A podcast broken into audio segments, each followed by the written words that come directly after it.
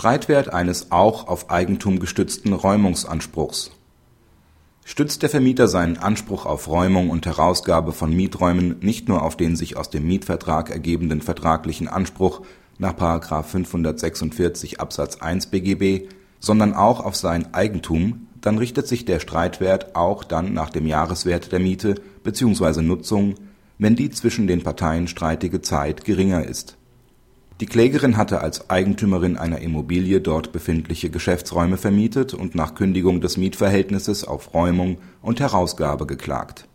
Das Landgericht hatte nach Abschluss des Verfahrens den Streitwert auf den Jahresmietwert festgesetzt. Dagegen erhob der Beklagte Beschwerde und beantragte einen geringeren Wert festzusetzen.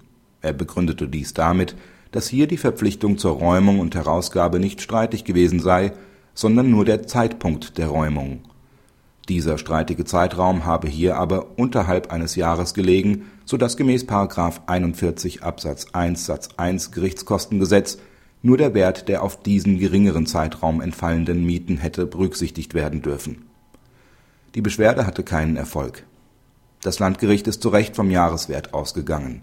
Die Klägerin hatte nämlich ihren Anspruch auf Räumung und Herausgabe nicht nur auf den Mietvertrag gestützt also auf § 546 Absatz 1 Satz 1 BGB, sondern auch auf ihr Eigentum. Nach § 41 Absatz 2 Satz 2 Gerichtskostengesetz ist in solchen Fällen stets der Wert der Nutzung eines Jahres maßgebend.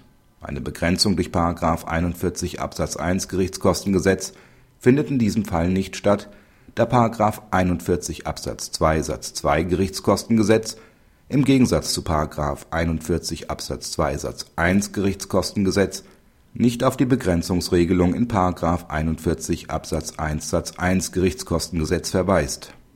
Wird der Räumungs und Herausgabeanspruch nicht nur auf den Mietvertrag gestützt, sondern auch auf einen anderen Rechtsgrund, insbesondere auf Eigentum, dann ist der Streitwert deshalb ausnahmslos gleich dem Wert der Nutzung eines Jahres festzusetzen. Praxishinweis die Entscheidung ist zutreffend. Hinsichtlich der Bewertung ist es dabei unerheblich, ob sich der Eigentümer auf seinen Eigentumsanspruch nach § 985 BGB beruft, allein die Tatsache, dass er Eigentümer ist, genügt, um über § 42 Absatz 2 Satz 2 Gerichtskostengesetz zwingend zum vollen Jahreswert zu gelangen. Abgesehen davon ist es nicht Sache einer Partei, sich auf bestimmte Anspruchsgrundlagen zu berufen. Die Rechtsanwendung ist Sache des Gerichts